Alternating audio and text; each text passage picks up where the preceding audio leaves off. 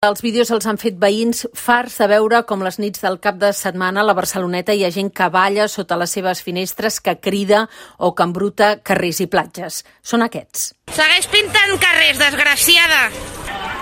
Vinga, fora d'aquí! Fora! Guarres!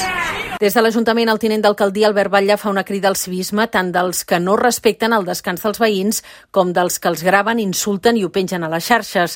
Tot i que l'Associació de Veïns de la Barceloneta insisteix en que cal tancar les platges des de les 12 de la nit fins a les 7 del matí, el consistori no creu que sigui una bona fórmula per acabar amb el problema.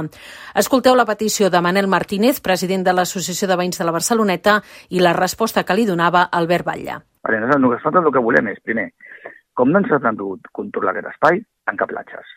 De 10 a 7, de, de 12 de la nit o 11 de la nit a les 7 del matí que la tanquin només que estiguin fer els serveis de manteniment. Els mateixos cossos i forces de seguretat han recomanat que no es fes el tancament, perquè això trasladaria la pressió que en aquests moments es descomprimeix en les platges probablement a l'interior d'aquests mateixos barris. Per a la polèmica, a l'Ajuntament no li consten incidents importants.